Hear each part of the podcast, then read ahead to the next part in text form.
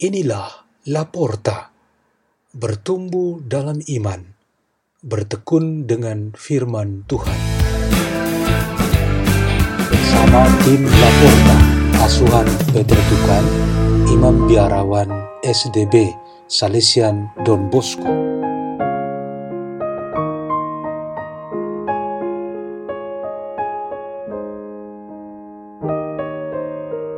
Bacaan, bacaan dan renungan Sabda Tuhan Hari Minggu Biasa ke-16, 19 Juli 2020.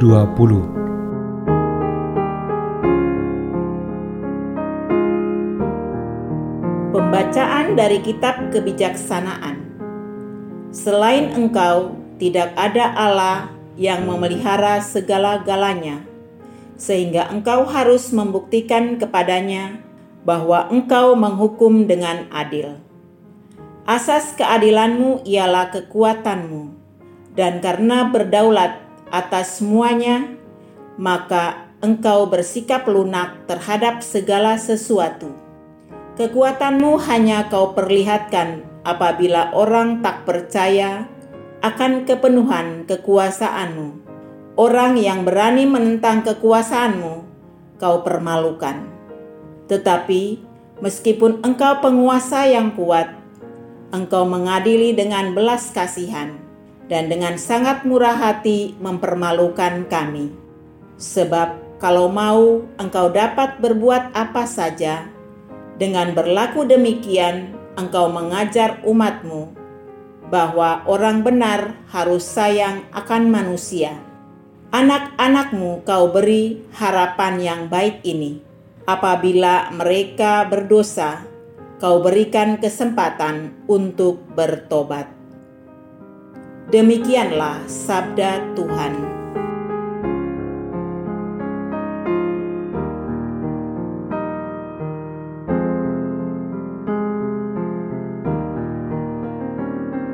Bacaan dari Surat Rasul Paulus kepada jemaat di Roma. Saudara-saudara, Roh membantu kita dalam kelemahan kita. Sebab kita tidak tahu bagaimana sebenarnya harus berdoa. Tetapi Roh sendiri berdoa untuk kita kepada Allah dengan keluhan-keluhan yang tidak terucapkan. Dan Allah yang menyelami hati nurani mengetahui maksud roh itu, yaitu bahwa ia sesuai dengan kehendak Allah berdoa untuk orang-orang kudus. Demikianlah sabda Tuhan.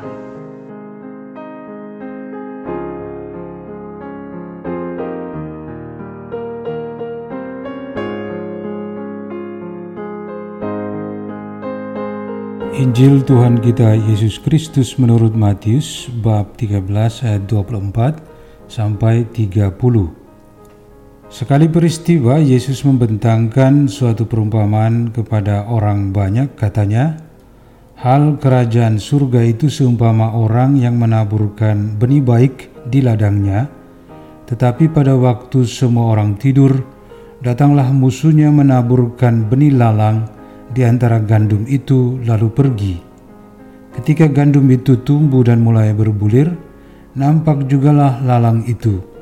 Maka datanglah hamba-hamba Tuhan ladang itu dan berkata kepadanya, Tuan, Bukankah benih baik yang Tuhan taburkan di ladang Tuhan? Dari manakah lalang itu?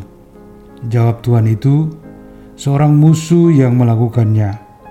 Lalu berkatalah hamba-hamba itu, Maukah Tuhan supaya kami pergi mencabuti lalang itu? Tetapi ia berkata, Jangan, sebab mungkin gandum itu ikut tercabut pada waktu kamu mencabuti lalangnya.' Biarkanlah keduanya tumbuh bersama sampai waktu menuai tiba. Pada waktu itu aku akan berkata kepada para penuai, kumpulkanlah dahulu lalang itu dan ikatlah berbekas-berkas untuk dibakar. Kemudian kumpulkanlah gandumnya ke dalam lumbungku. Demikianlah Injil Tuhan.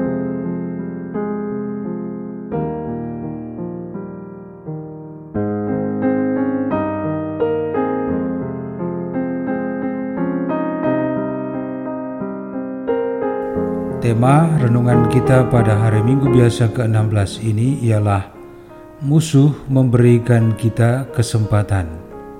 Seorang siswa SMA mendapatkan pujian dan hadiah dari orang tuanya karena mendapatkan nilai-nilai rapor yang bagus. Padahal semua di dalam keluarga masih mengingat bahwa nilai prestasinya di waktu permulaan sekolah jauh dari harapan. Ia bahkan memiliki sejumlah nilai merah. Mengapa ia berubah begitu cepat dengan prestasinya itu setelah naik ke kelas 2 dan kelas 3? Apakah ia bermain curang pada waktu ujian demi mendapatkan nilai-nilai yang memuaskan? Ini adalah pertanyaan-pertanyaan umum yang selalu ditujukan kepadanya. Kepada semua yang bertanya, siswa tersebut menjawab dengan sangat bijaksana. Katanya, "Setiap temanku mendapat nilai lebih baik daripada aku. Aku selalu tertantang untuk menjadi seperti dia, bahkan harus melebihi dia." Ia tetap mengikuti prinsip itu selama belajar di SMA. Pengalaman si remaja itu merupakan sebuah contoh kompetisi yang sehat. Ada juga kompetisi atau perlawanan yang tidak sehat, yang melalui cara yang tidak baik dan dengan tujuan yang tidak baik pula. Di dalam setiap kompetisi, masing-masing pihak yang bersaing menganggap lawannya sebagai musuh. Ada musuh yang menjadi teman persaingan atau perjuangan, sehingga kita dapat dibantu untuk meraih kemajuan dan kesuksesan. Musuh dalam kualitas seperti ini adalah musuh yang baik, yang memberikan kita kesempatan untuk menjadi lebih baik. Tetapi ada musuh yang menjadi lawan mematikan, yang karena didasari oleh kebencian, marah, dan iri hati, sehingga kita tidak mendapatkan bantuan untuk maju, tetapi sebaliknya kerugian dan bahkan kebinasaan. Secara kodrati dan mengikuti akal sehat, kita ingin memiliki musuh yang baik. Tuhan sendiri termasuk dalam kategori musuh kita yang baik. Kita adalah orang-orang yang berdosa. Setiap menyadari diri sebagai orang berdosa, kita harus dapat melihat Tuhan sebagai musuh kita yang baik, yang sabar terhadap kita, dan menyediakan segala kesempatan supaya kita dapat bertobat dan kembali kepadanya. Perumpamaan tentang hidup berdampingan antara penabur benih dan musuhnya yaitu penabur lalang, kemudian antara benih yang tumbuh bersama dengan musuhnya lalang, sangat jelas mengajarkan kita tentang peran musuh yang membantu kita di dalam hidup ini. Anggota keluarga sendiri, teman-teman, atau orang yang tidak kita kenal – dapat menjadi musuh-musuh kita yang baik. Bahkan jika kita memang tidak dapat menghindari adanya musuh yang tidak baik atau yang mematikan, ini merupakan juga pengalaman Tuhan Yesus sendiri dan para martir yang sudah mendahului kita. Musuh yang demikian membuka kesempatan bagi kita untuk meminum piala penderitaan seperti Yesus Kristus. Dalam hal ini, kita sepantasnya bersyukur dan mendoakan musuh-musuh kita. Marilah kita berdoa dalam nama Bapa dan Putra dan Roh Kudus. Amin. Ya Tuhan, berkatilah kami sehingga kami dapat hidup dalam kebenaran dan kebijaksanaan-Mu. Bapa kami yang ada di surga, dimuliakanlah namamu. Datanglah kerajaan menjadilah kehendak-Mu di atas bumi seperti di dalam surga.